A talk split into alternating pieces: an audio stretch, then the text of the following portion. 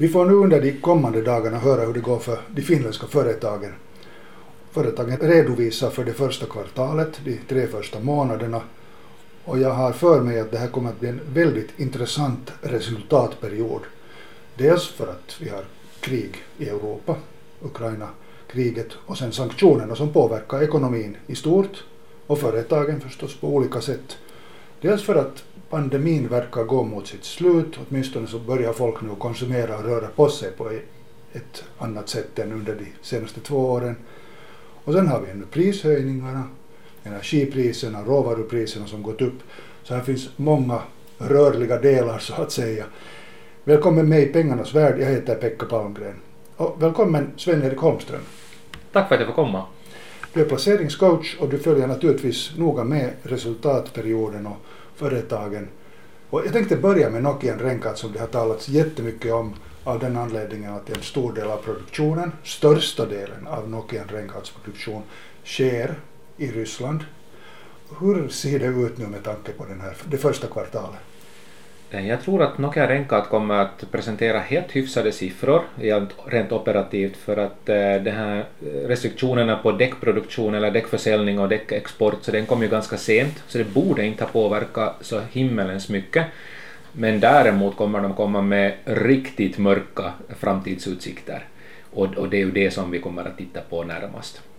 Till exempel en sån sak redan att eh, omläggning av produktionen som de har snackat om, så det här kommer att binda väldigt mycket kapital i framtiden. Tittar vi på den här fabriken i Dayton så den kostar ungefär 350 miljoner euro att bygga. Men det som jag tycker att är positivt i Nokia Renkarts fall att även om, som du sa, produktionen är till stor del i Ryssland, så en stor del av den produktionen som var i Ryssland gick ju på export. Så att vi har ju redan kunderna, alltså bolaget har redan kunderna någonstans i världen, men nu gäller det bara att producera de här däcken. Det är ju just så här det är för, för företagen nu i den här situationen. Att eh, de drabbas kanske av en eh, svår situation i och med att de förr eller senare måste träda ut ur Ryssland. Men de hittar också lösningar och, och Nokia, Nokia Renkat, Nokia Tires har fabrik redan i Finland och i USA det gäller då att, som du sa, flytta över produktionen mera. Så att det kan ju hända att företaget vänder det här till sin fördel. Och, och på lite längre sikt så kanske det går alldeles strålande igen. Så nu när vi talar om eh, det första kvartalet år 2022 så är det faktiskt bara det första kvartalet 2022. Det måste man komma ihåg att företagens mm, långsiktighet är sedan en helt annan sak. Du har helt rätt i det här och de här problemen är till stor del övergående. Och vi måste komma ihåg att Ryssland har mer eller mindre spelat ut sig från marknaden redan i många års tid, redan vid Krim och allt det här så eh, det har funnits sanktioner och det har funnits stopp på till exempel de här eh, eh, livsmedelstillverkarna har ju länge haft bekymmer med Ryssland, de har ju inte kunnat exportera dit. Så Rysslands roll är ganska liten, men de bolagen som ännu har verksamhet i Ryssland, så de får en, en ordentlig törn. Jag tänker mig överhuvudtaget att företagen brukar lösa sina problem. Och det här är liksom, ur företagets synvinkel så är det här liksom ett problem som går att lösa. Sen har vi en humanitär katastrof på grund av kriget och det är sen en helt annan sak och det är fruktansvärda saker. Men när, det gäller, när vi tittar på företagen i de här situationerna så behöver man vara så hemskt bekymrad. På något vis löser de sig. Riktigt så är det. De kommer att lösa det. Och Olvi är ett annat intressant bolag på det sättet att de har haft mycket verksamhet i Vitryssland som nu då på grund av kriget och sin allians med Ryssland blir besvärligt. Så där är väl kanske samma sak. Jo, där kommer en fjärdedel av resultatet att försvinna med största sannolikhet för ungefär en fjärdedel av resultatet kommer just från Vitryssland. Så det, det är ganska omfattande i Olvis fall. Olvi har ju hört till de absolut bästa bolagen när vi hittar på den här börsen. De har ju gått från klarhet till klarhet.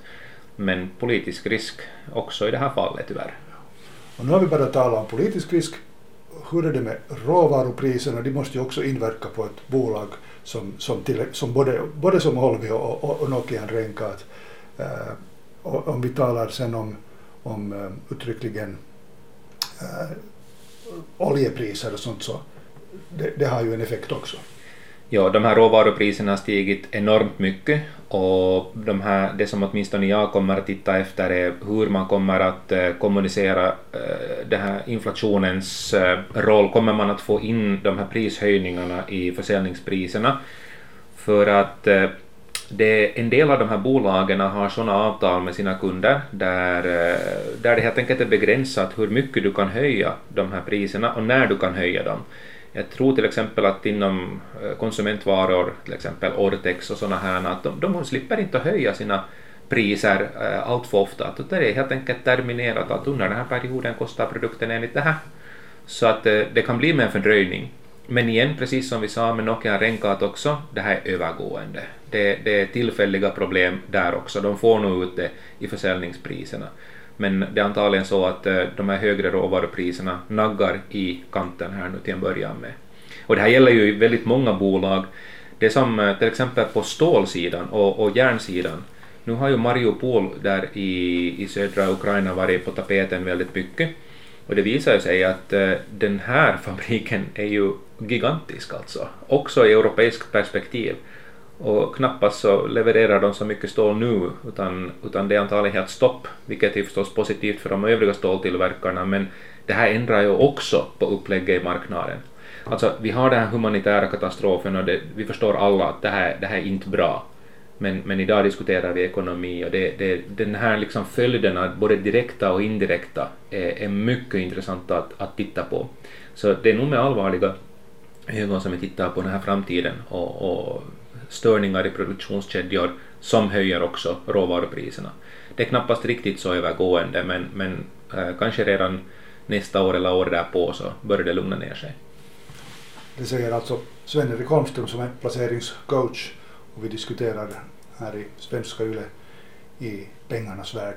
Äh, överhuvudtaget så om man tittar på bolagen nu, finländska börsbolag, de stora bolagen i Finland, kan man börja nu analysera hur företagslivet, näringslivet klarar av pandemin? Eh, vi har haft två år av undantagstillstånd och jag tycker att i början var alla förskräckta, det här kommer att vara en katastrof. Så småningom insåg vi alla att okej, okay, det rullar på ganska bra.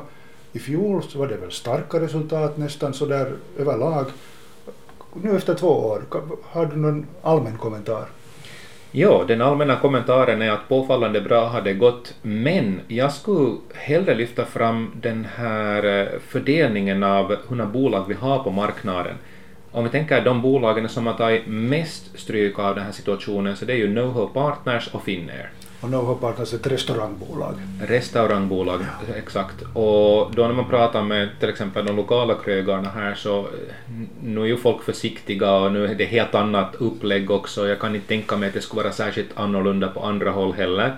Så de här branscherna som har äh, happenings, restauranger, hotell, äh, turism, de har ju alla lidit ordentligt. Och det finns inte så många börsbolag som gör det här.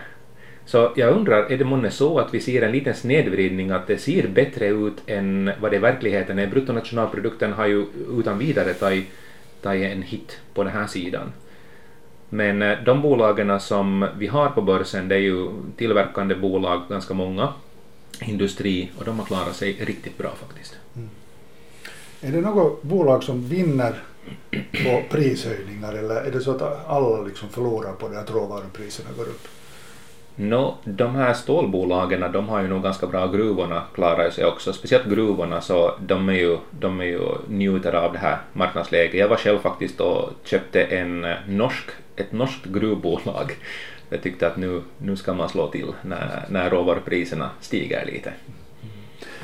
Finländska bolag som till exempel Neste som förädlar olja, har du någon koll på dem? Jag har för mig att de nog kan dra nytta av, av att oljepriserna går upp. Ja, där är i oljepriserna så den är inte helt avgörande för Nestes, roll, eh, för Nestes resultat utan det är den här raffinaderimarginalen och den eh, om jag nu minns rätt så då när råvarupriserna är högre så får de också lite bättre raffinaderimarginal. Alltså, vad, vad är det? Kan du definiera? Förädlingsmarginal. Från det att eh, råvaran som de köper till det som de säljer ut, att vad får de ut per barrel till exempel. Och den där marginalen är någonting som också Neste rapporterar. Den kan vara helt intressant att följa med. Och i och med att den här eh, oljans pris har stigit så mycket som den har gjort så kommer antagligen också eh, den här djuphavsoljan att bli mer konkurrenskraftig. Den har ju varit på sparlåga många, många år just i Ishavet och, och ytter om Norge. Så att, eh, för att vi har köpt billig rysk olja? För att vi har köpt billig rysk olja, men annars också har oljan varit påfallande, påfallande lågt värderad. Var det nu, när var det, var det i fjol som oljan var på minus till och med? Ja. Så att eh, den har varit låg och det har varit dålig lönsamhet på den där branschen och nu har man ju sett att oljebolagen har ju skjutit upp i höjden, många av dem faktiskt. Ja. Så att eh, det, jag tror att Neste kommer att hitta helt nya leverantörer och sen i och med att de ska skaffa en ny terminal dit i Holland så, så kommer de också närmare de leverantörerna. Att logiskt är ju att om vi har i Finland så är ju rysk olja väldigt nära men det, det kommer ju inte på fråga mera. Det är ganska stopp där om jag förstått saker rätt. Nu diskuterar vi ju då hur finländska bolag har klarat sig under det första kvartalet som det heter, det vill säga tre första månaderna, januari, februari, mars. Och det säger sig självt att det här är egentligen nog inte nu den intressantaste perioden, utan det intressanta är det som ska komma för att när, efter att kriget började förändrades, förändrades hela, hela tillvaron för, för oss alla på många sätt och också på, för företagen då som, som känt så nu är väl, om jag har förstått saken rätt, det intressanta det som företagen säger om framtiden, om, om resten av året, om följande kvartal och, och eh, inte egentligen då det som vi har kommit att ha fakta på, det vill säga siffrorna för januari, februari, mars. Du har helt rätt i det, så här det är alltid men påfallande, påfallande mycket just nu. Att eh, om, vi, om vi gör beslut på basen av att bolaget just nu råkar gå bra så det är kanske lite sådär halva sanningen. Och vi har ju Alltså vi har ju otroligt många risker som påverkar just nu. Kina, äh, Ryssland har vi ju redan diskuterat, men Kina också. På vilket sätt kommer Kina att positionera sig här? Och, och tittar vi till exempel på Kone, som ju har över hälften av sin försäljning i Kina, så den har ju kommit ner ordentligt. Så det är tydligt att, eh, att Kina-risken är någonting som lyfts fram för tillfället. Och, och då talar du om att äh, tillväxten har lite avmattats i Kina, det vill säga att man bygger inte lika mycket som man har byggt under de senaste åren.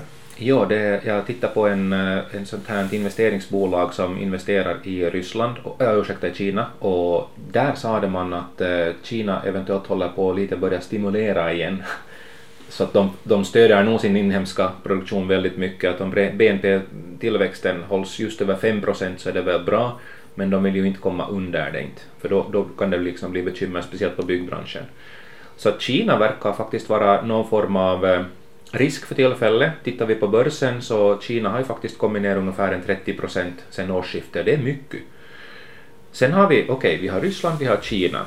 Sen har vi komponentbrist. Och ja. det här påverkar redan nu, så eh, bolag med lite högre teknologi, eh, till exempel bilar och motsvarande, det har vi ju inte bilproduktion här, men, men igår var jag till Geberits fabrik i Ekenäs, i Ido alltså, och där konstaterade de att fast de eh, tillverkar porslinsbyttor så inte det är någon högteknologi det är inte, men själva produktionen är väldigt automatiserad och om någonting går sönder där och så, så ringer de till sin leverantör så de här produktionsingenjörerna berättade att för några, eh, ja, för några månader sedan så var det mer eller mindre, eller tidigare var det bara att säga att oj, maskinen gick sönder, men vi får nya delar i övermorgon. Nu kan det ta upp till 30-40 veckor innan de får komponenter. Och då, då står ju maskinen stilla, just den maskinen, och det, det ger ju upphov till produktionsstörningar i så fall. Så jag förstår att de har bunkrat upp lite med komponenter också, eh, in case off, och det är ju lite ovanligt. Så det är inte bara produkten utan också produktionsmaskineriet som vi behöver komma ihåg. Sen eh, den här inflationen då, får, vi, får bolagen in de här prishöjningarna i slutprodukten och det tror jag nog inte att det är särskilt lätt i de flesta fall. Idag så rapporterar eh, Scanfil och de har konstaterat att eh, de här komponent, komponenterna som har stigit i pris väldigt mycket Så de produkterna har de eh, skickat vidare som räkning raka vägen till kunden. De tar ingen marginal själv, utan om det har stigit priset så har de skickat den ursprungliga fakturan till sina kunder och sagt att betala den här.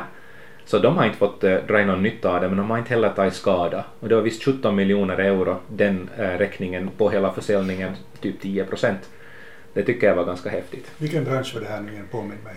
Eh, Scanfil är en eh, kontraktstillverkare inom elektronikindustrin så att eh, de tillverkar bland annat postens eh, sådana här, de här, de här modulerna som du går till, till lokala K-marketen, S-marketen och så plockar du ut din post, post postapparater, vad heter de?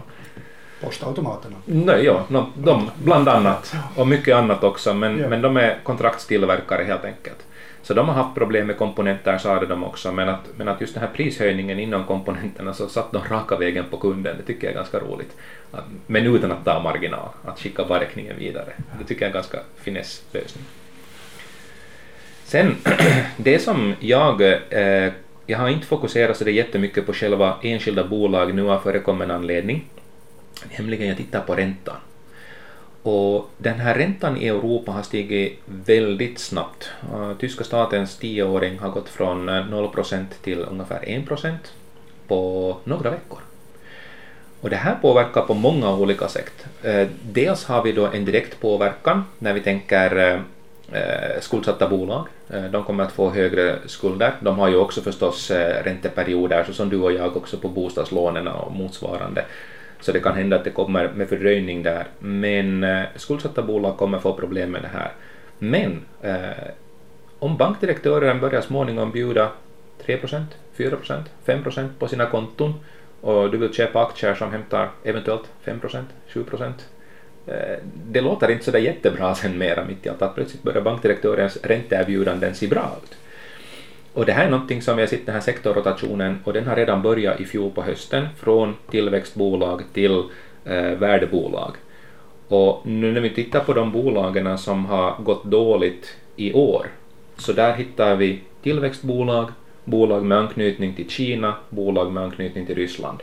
De är, eh, listorna är enormt tydliga från årsskiftet eller från sex månader bakåt. Det är de här bolagen som har nu tagit stryk på börsen. Så att man ser nog ganska klart att vartåt vi är på väg.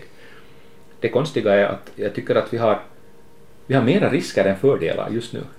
Och det här är ju någonting som man som placeringscoach kanske inte borde, borde uttrycka sig om för det.